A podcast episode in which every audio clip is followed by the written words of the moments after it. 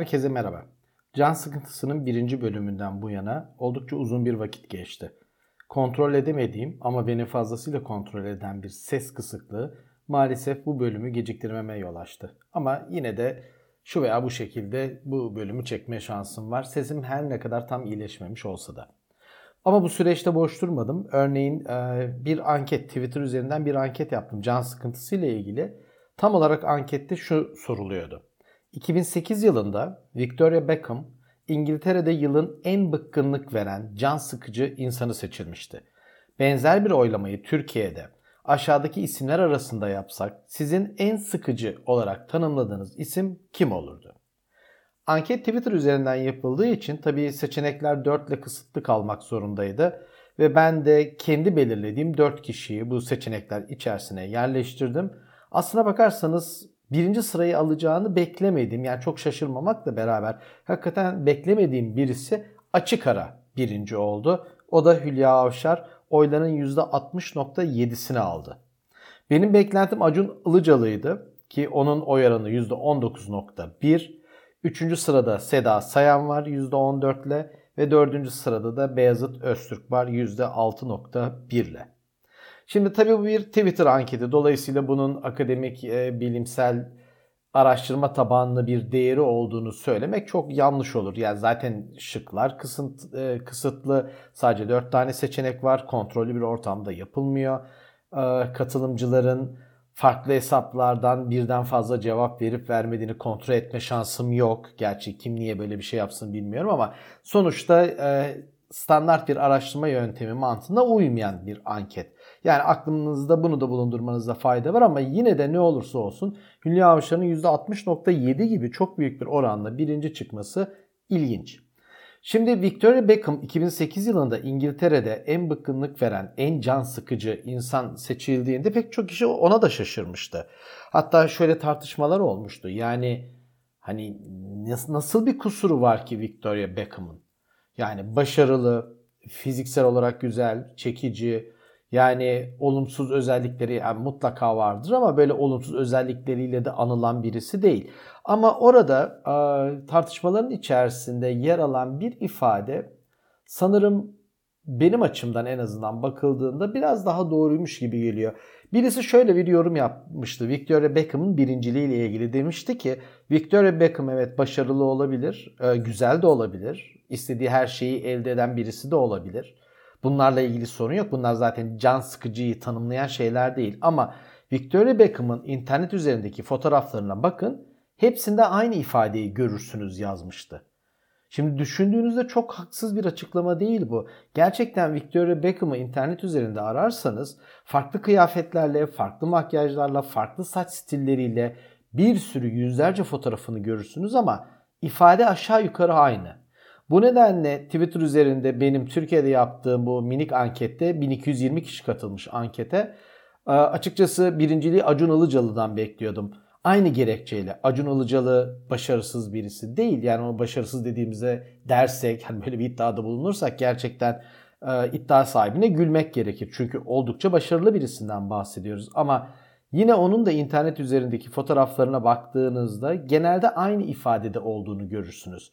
Gerçi diğerleri için de aşağı yukarı bunu söylemek mümkün. Hülya Avşar için de, Seda Sayan için de, belki Beyazıt Öztürk için de davranış kalıpları, ifadeleri, yüz ifadeleri çokça değişen insanlar değiller gibi. Ya belki de e, ünlü olmanın ya da belirli bir stil nedeniyle ünlü olmanın yani e, ürünlerinden bir tanesidir bu yüz ifadelerinin tekrarlanması. Ondan da çok emin değilim ama bana genel olarak sıkıcı e, geliyorlar. Bu dört isim de sıkıcı geliyor. Ama tekrarlıyorum bu onların başarısız olduğu anlamına gelmiyor.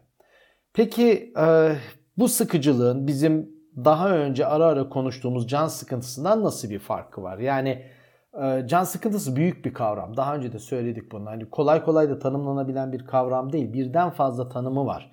Ama özellikle varoluşçuluk açısından baktığımızda biraz daha varoluşsal can sıkıntısı kavramını anlamaya çalıştığımızda büyük bir tarafa doğru, büyük bir yaklaşıma doğru gidiyoruz. Çünkü varoluşsal can sıkıntısı sizin günlük hayatta yaptığınız herhangi bir işin rutinleşmesi nedeniyle duyduğunuz sıkıntıdan daha büyük.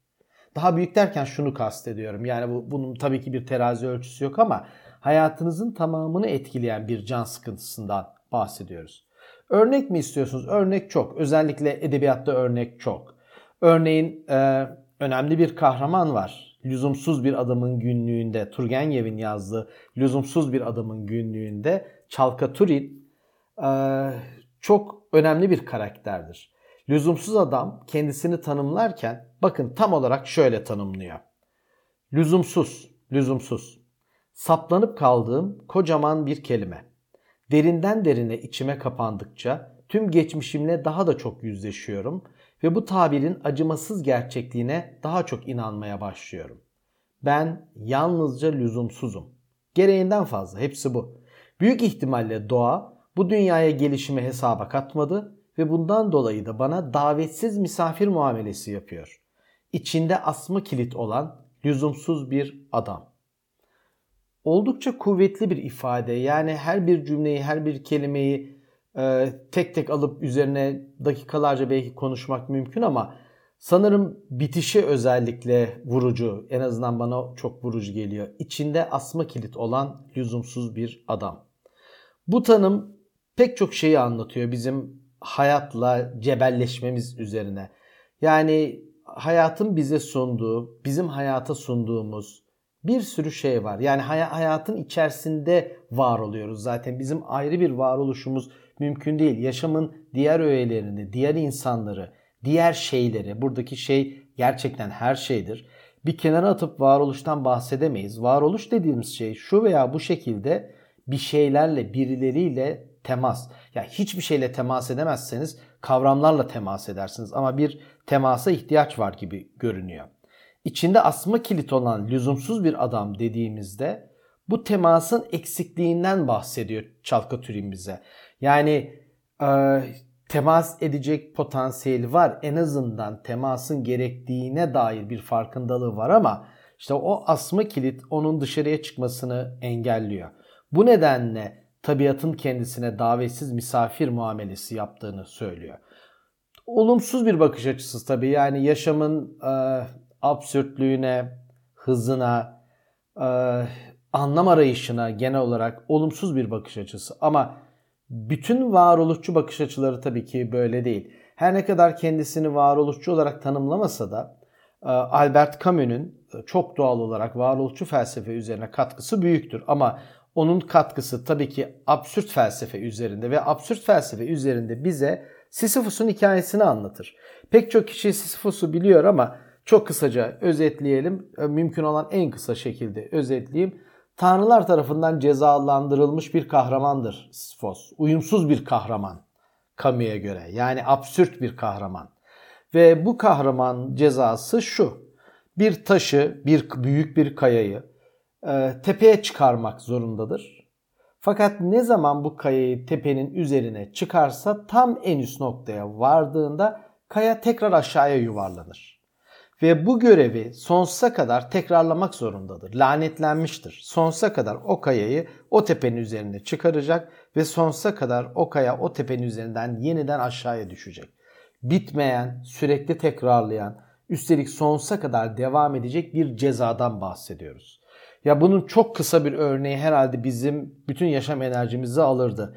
Normalde Sisyphos mitolojisine baktığımızda e, onun bizde yarattığı şey zaten bu can sıkıntısıdır, bıkkınlıktır, kapana sıkışmışlık hissidir. Ama Camus çok öyle görmüyor. Camus'un bununla ilgili harika bir denemesi var. E, podcast'in ana sayfasında kaynağını da bulabilirsiniz Sisyphos'la ilgili olarak. Şöyle bir şey söylüyor. Diyor ki Efendisiz olan bu evren ona ne kısır görünür ne de değersiz. Bu taşın ufak parçalarından her biri, bu karanlık dağın her madensel pırıl, parıltısı tek başına bir dünya oluşturur. Tepelere doğru tek başına didinmek bile bir insan yüreğini doldurmaya yeter. Sisyphos'u mutlu olarak tasarlamak gerekir. Evet Camus Sisyphos'un mutlu olduğunu söylüyor. Bu rutinlerin Sisyphos'un yapmak zorunda olduğu rutinin ona mutluluk getirdiğini söylüyor. Çünkü burada öğrendiği bir şey var. Birincisi Sisyphos mitolojide tanrılara kafa tutmuş birisi. Tanrılara kafa tutmuş birisinin efendisi yok. Efendisi yok evet cezası var ama efendisi olmayan bir evrende üzerine aldığı bir görev var ve bu görevle ilgili ayrıntıların tadını almaya başladığında her bir taşın ufak parçasını, her bir karanlık dağın parıltısını, e, her kum tanesini hissetmeye başladığında onların da birer dünya olduğunu anlayacak. Camus bize bunu hatırlatıyor. Evet bizim de çok doğal olarak günlük hayatımızda rutinlerimiz var. Hem de e, böyle arka arkaya düşündüğümüzde gerçekten canımızı sıkacak kadar fazlasıyla rutinlerimiz var. Ama bir yandan da şöyle düşünün. Bu rutinler eğer bizim yaşamımızın bir parçasıysa yani bizim için bir anlamı varsa aslına bakarsanız çok da kötü bir şey değil. Burada tabi ister istemez yine Sartre girecek araya ve o ünlü kavramını herhalde e, tekrar üzerimize fırlatacak. Kötü inanç ya da bad faith diyecek. Bu rutinlerin bize mutluluk verebilmesi için ya da Camus'un söylediği gibi Sisyphos'u mutlu olarak tasarlayabilmeniz için aslına bakarsanız bu rutinlerin de otantik olması gerekir. Yani sizin kontrolünüzde olması gerekir. Bir emir nedeniyle bunları yapıyor olmamalısınız ya da e, birilerine hoş görünmek için, o rolü oynamak için ya da bir kurala uymak için Ha diyeceksiniz ki ama bunu Sisyphos da yapmıyor mu? Yani Sisyphos'un da rutini zaten onun cezası değil mi? Doğru onun cezası ama bu cezayı alma nedenini unutmayın. Bu cezayı aldı çünkü Olimpos'un tanrılarına kafa tuttu. Kafa tutmakla kalmadı. Hades'i hapsetti. Hani bu başarıdan sonra aldığı her ceza tabii ki onun için ödüldür. Ama bizim gündelik yaşantımızda üzerimize aldığımız rutinlerin gerçekten bu kadar büyük anlamları var mı? Bu anlamlar gerekir mi? O da e, ayrı bir tartışma konusu. Bir parantez burada açayım. Aralarda bu parantezleri açmak lazım. Ee, şöyle bir şey demiyorum. Yani hiçbir podcast'te demeyeceğim. Dersem tahminen ağzımdan kaçmış olacak. Yani hayatınızın bir anlamı olmalı. Bir anlam bulmalısınız. O anlama doğru koşmalısınız. Hiç ama hiç böyle bir e, öğüdüm yok. Yani varoluşçulukta zaten bir öğüdün olması kadar saçma bir şey olamaz. Varoluşçuluk sizinle ilgili. Çok bireysel. Dünyayı anlamanızla, tanımanızla, temasınızla ilgili. Burada anlamınız olur ya da olmaz. Bu anlam sizi mutlu eder ya da mutlu etmez. O ayrı bir şey. Ama mutlaka hayatınızın bir amacı olmalı. Mutlaka bir anlamı olmalı. İşte mümkün olan en küçük yaştan itibaren bunun üzerine gitmelisiniz. Bunun için çalışmalısınız gibi e, beylik öğütlere en azından diyelim varoluşta yer yok. Eğer bir öğüt alı illa bir öğüt alıyorsak e, ya da arıyorsak bir tek şunu söyleyebiliriz belki de ne yapıyorsak yapalım bunun otantik olmasını tercih etmemizde fayda olabilir. Yani kendi istediğimiz için. Başka birisi için değil. Kendi istediğimiz için yaptığımız sürece geri kalanın ayrıntı olduğunu düşünüyorum. Ama tabii hani Camus tamam Sisyphos'u mutlu olarak tasarlamak gerekir diyor ama özellikle edebiyata baktığımızda tabii herkes öyle değil. İşte lüzumsuz adam da gördünüz. içinde asma kilit olduğunu zanneden ya da böyle olduğunu varsayan bir kahramandan bahsediyor Turgenev. Gonçarov'a gittiğinizde o muhteşem eser Oblomov ki Oblomov hakikaten muhteşem bir eserdir. Ben e, okumak için çok geciktim onu. Yani ne yalan söyleyeyim genel hani o tür şeyler çok korkutmaz beni bir okuyucu olarak ama yani kalın bir kitap ve can sıkıntısı ile ilgili hani bu bilgiye sahibim. Yani can sıkıntısı ile ilgili bu kadar kalın bir kitabın çok can sıkıcı olacağını düşünmüştüm doğal olarak. Fakat okuduğumda Gonçarova'da kahramanı Oblomova'da tabii çok büyük haksızlık ettiğimi e, gördüm öyle söyleyeyim. Hani spoiler vermeyeceğim tabii kitapla ilgili ama Oblomov'un e, can sıkıntısı ile ilgili bir tanımını vermek isterim. Çünkü Camus'unkinden biraz daha farklı, biraz daha belki olumsuz. Demiş ki Oblomov, kahramanı kitabın, insan niçin yaşadığını bilmezse günü gününe yaşamakla kalıyor.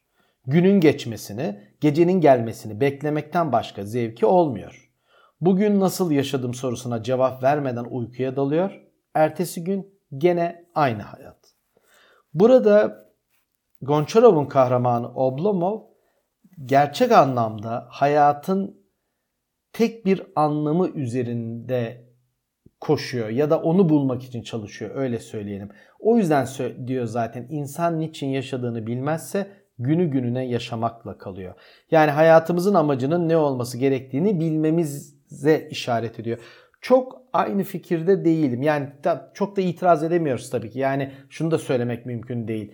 Ee, ya insanların hayatının bir anlamı olmasın gibi de bir şey söyleyemeyeceğiz. Şu anda kendimi çok Nasrettin Hoca gibi hissettim. Yani hayatın anlamı olmasına da itiraz ediyorum, olmamasını da itiraz ediyorum ama ya da öyle görünüyor. Fakat aslında demek istediğim şey şu. Bunun bunun önemi yok. Yani hayatınızın çok büyük bir anlamı da olabilir, olmayabilir. Ne fark eder ki?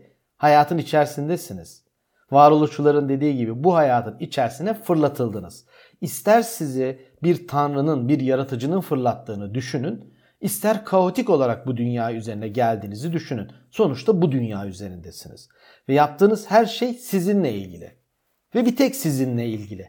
Bir tek sizinle ilgili olduğu için zaten kendi hayatınızı yaşamanız gerekiyor. Bunun için de çok büyük anlamlara ihtiyaç olduğunu zannetmiyorum.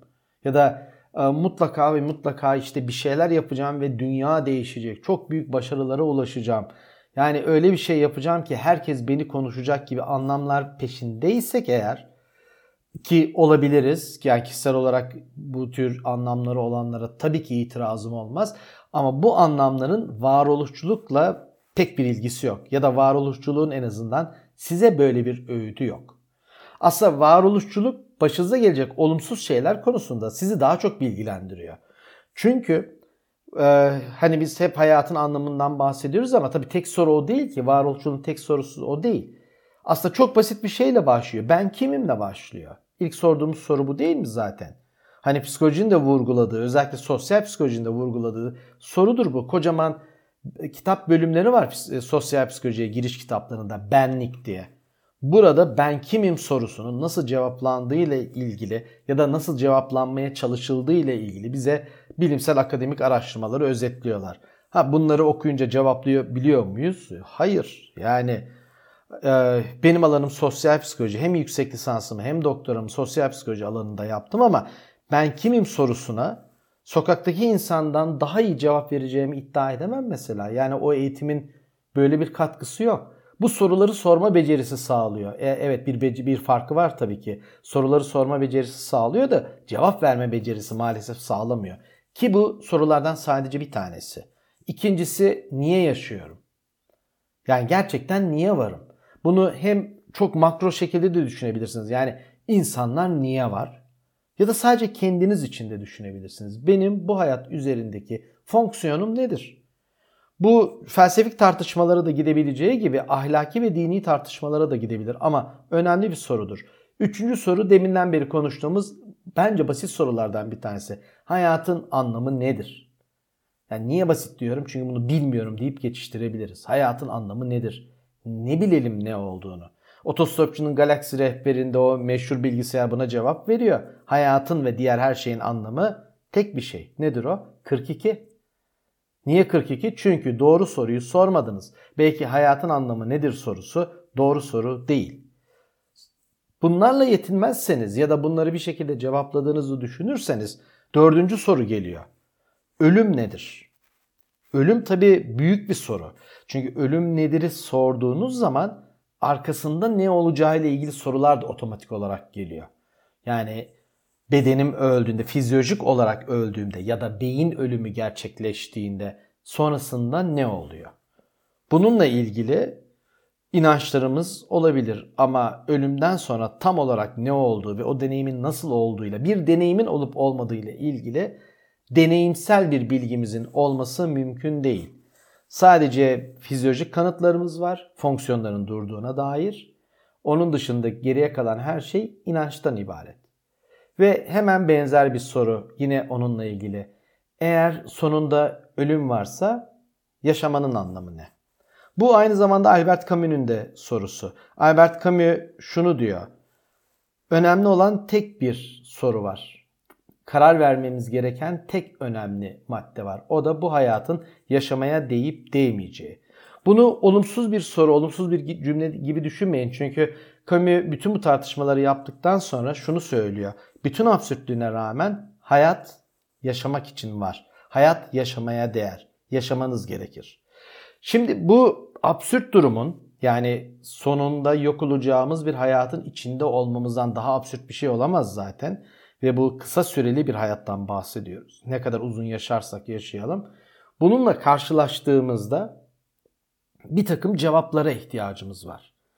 Bazı cevaplar çok açık söyleyeyim çok rahatlatıcı. Mesela din bunlardan birisi. Eğer bir dini inancınız varsa bu soruların en azından bir kısmına inanç sisteminin verdiği cevap sizin için yeterli ve rahatlatıcı olacaktır. Mesela ölümün ne olduğu, ölümden sonra ne olacağı, e, hayatın anlamının ne olduğu gibi sorulara bütün dinlerin verdikleri e, oldukça insanı tatmin edici cevaplar var. Eğer dini inancınız varsa tabii. Yoksa bundan çok faydalanamayacaksınız. İkincisi ahlak. Genel olarak ahlakla ilgili inançlarınız, bilgileriniz ya da ahlakla ilgili görüşleriniz de size kim olduğunuz, ne olduğunuz, nasıl davranmanız gerektiği, niye yaşadığınız, ölümle nasıl baş etmeniz gerektiği, ölüm duygusuyla, korkusuyla nasıl baş etmeniz gerektiği konusunda ipuçları verecektir. Yeterli olur mu? Ondan çok emin değilim ama cevap verecektir. Başka cevap kaynaklarımız da var. Toplumun kendisi var. Gelenekler, görenekler, ananeler bize bu sorduğumuz sorularla ilgili cevaplar veriyor. Ailemiz bu sorularla ilgili cevaplar veriyor. Kültürün kendisi yine bu cevapları veriyor. Ama bu cevapların hiçbiri tek başına, kendi başına yeterli ve tatmin edici değil. Bunu kabul etmek durumundayız. Diyorum ya belirli bir aşamadan sonra iş sadece inanç kısmına dayanıyor böyle olduğuna inanabilirsiniz ama bununla ilgili bir kanıtınız yok. Mesela çok basit olarak şuna inanabilirsiniz çok doğal olarak. Ölüm bir son değildir çünkü ölümden sonra başka bir yaşam var. Buna inanabilirsiniz ve bu sizin sonunda ölüm olan bir hayatı sürdürmeniz konusunda yaşadığınız kaygıyı azaltabilir. İyi de bir şeydir bu. Ama tekrarlıyorum bu bir inanç, bu bir bilgi değil. Bilmiyorsunuz. Sadece inanıyorsunuz ve bu inanç olduğu için de şu veya bu şekilde aklınızın bir köşesinde çok farkında olmasanız da o şüphe kırıntıları olacak. Peki bu cevapların hiçbiri sizi tatmin etmezse ya da kendiniz bir takım cevaplar yaratamazsanız ne olacak? Bazı olasılıklar var. Birincisi tamamen kayıtsız kalabilirsiniz. Yani hiçbir cevabım yok. O zaman yani e, hayat nasıl gidiyorsa öyle gitsin. Çok da bir eylemde bulunmamın, hareket etmemin, hatta mecbur değilsem nefes almamın bile anlamı yok. Dolayısıyla kayıtsızlık çarelerden bir tanesi olabilir. Sanki Oblomov karakterinde bunu biraz görüyor gibiyiz. Ya da e, biraz daha olumsuz düşünelim. Bu sorular sizi o kadar çok etkileyebilir ki kaçınılmaz olarak e, kendinizi normalden daha depresif hissedebilirsiniz daha olumsuz düşünebilirsiniz. Hayata karşı, ölüme karşı, e, hayatınızın amacına, beğenliğinize karşı. Yani gerçekten çok kötü hissedebilirsiniz. Çok doğaldır bu, mümkündür. Kaygınız da depresyonla beraber yine o da artabilir tabii ki ve bununla baş etmekte zorluk çekebilirsiniz. Üçüncüsü kaygıyla baş etme yöntemlerinden bir tanesi. Hiç hoş bir yöntem değil ama aslına bakarsanız şiddet can sıkıntısı ile ilgili e, kaynaklara bakıldığında şiddetin önemli araçlardan birisi olarak kullanıldığına dair nasıl söyleyeyim ipuçları görebiliyorsunuz. Yani e, Türkiye'de de örnekler var bu konuyla ilgili olarak. E, yurt dışında da örnekler var. E, yani canı sıkıldığı için ya da e, kontrol edemediği bir can sıkıntısı yaşadığı için öyle söyleyelim başkalarına zarar veren, e, zarar verme konusunda kendisini kontrol edemeyen ya da kontrol edemediğini söyleyen insanlar var. Yani kötü şeylerle, kötü haberlerle ve olaylarla da sizin de canınızı çok sıkmak istemem ama Türkiye'de mesela gazetelere yansıyan iki tane olay vardı. Bunlardan bir tanesinde çok kısaca tabii detayına girmeden e, söyleyeceğim. Elimdeki gazete haberinden okuyorum. Diyor ki Erzurum'da evinde otururken havalı tabancayla pencereden ateş eden 27 yaşındaki Ö.A sokakta oyun oynayan 4 yaşındaki SB ile 6 yaşındaki İK'yı sırtından vurdu. 27 yaşındaki bir tane adam 4 yaşında ve 6 yaşındaki iki tane çocuğu havalı tabancayla sırtından vurmuş. Çocuklar hastanede tedavi görürken gözaltına alınan Ö.A savunmasında canım sıkılmıştı dedi. Şimdi haklı olarak şunu düşünebilirsiniz. Yani e, cezadan kaçmak için ya da kendisini savunmak için hatta belki e, bir patolojisi olduğu iddiasını yayabilmek için böyle bir cümleyi söylemiş olabilir diye, diye düşünebilirsiniz ama canım sıkılmıştı işe yarar bir cümle değil bu açıdan. Yani ne ceza hafifletme açısından ne sizin psikiyatrik muayene e, gitmenizi sağlaması açısından. Yani şunu demek istiyorum. Canım sıkılmıştı derken maalesef diyeceğim haklı olabilir. Yani yaptığı eylemde tabii ki haklı değil de gerçekten canı sıkılmış olabilir. Yani hiçbir şey yapamayan, bu sorulara hiçbir cevabı olmayan, e, teması kaçıran, dünyadaki her şeyle teması kaçıran bir insanın bu tür bize biraz ekstrem gelecek, patolojik gelecek, şiddet içeren davranışlarda bulunma olasılığı olabilir. Olabilir diyorum çünkü bunlarla ilgili tabii çok araştırma yapılması lazım. Bu sadece bir vaka. İkinci vaka o da Türkiye'den, Eskişehir'den. Eskişehir'de S.Ç komşusunun köpeğini 50 e, günlük bir köpekmiş bu bu arada köpeğini işkence yaparak öldürmüş. İfadesinde alkollü ve canının sıkkın olduğunu öne sürerek köpeği öldürdüğünü itiraf eden diye haber devam ediyor. Alkollü ve canı sıkkın. Yani burada e, alkollünün bir şey olarak, özür olarak kullanılmasını anlayabilirsiniz. Yani alkollüydüm farkında değildim işte yaptım vesaire gibi yaptığı eylemi hafifletmeye yönelik olabilir. Ama yine can sıkıntısını da buraya eklemiş. Şimdi e, bununla ilgili yine bir e, can sıkıntısıyla ilgili belgesel var. E, podcast'ın ana sayfasında bulabilirsiniz. Orada e, İngiltere'deki sokak eylemlerinin e, yapılan sokak eylemlerinin e, nedenlerinden bir tanesinin can sıkıntısı olabileceği ile ilgili enteresan bir teori var. Yani e, eğer izlemek isterseniz onun da bağlantısını oraya koyacağım. Oradan bakabilirsiniz. Bu mümkün mü? Yani canı sıkılan bir insan. Burada günlük hayattaki rutinlerden sıkılmadan bahsetmiyoruz. O demin sorduğum varoluşçulukla ilgili sorulara cevap veremediği için can sıkıntısı yaşayan insandan bahsediyoruz. Gerçekten şiddete yönelebilir mi? Ya da başka insanlara zarar vermeye yönelebilir mi? Yönelemez diyemiyorum. Yani e, yönelip yönelmeyeceği ile ilgili çok fazla veriye ihtiyacımız var kesinlikle. Ama bu hipotez ya da bu beklenti bana çok yabana atılır bir beklenti gelmiyor. Olma olasılığı sanki pek de azmış gibi değil. Diğer bir yöntem, olumsuz diğer bir yöntem de tabii ki intihar. Yani bu şiddeti kendisine yönlendirmesi. Yani varoluşçu sorularla baş edemeyen birisinin bu konuda absürtlük nedeniyle yaşadığı can sıkıntısına cevap bulamayan bir kişinin kendi hayatını sonlandırmayı istemesi e, mümkün olabilir maalesef.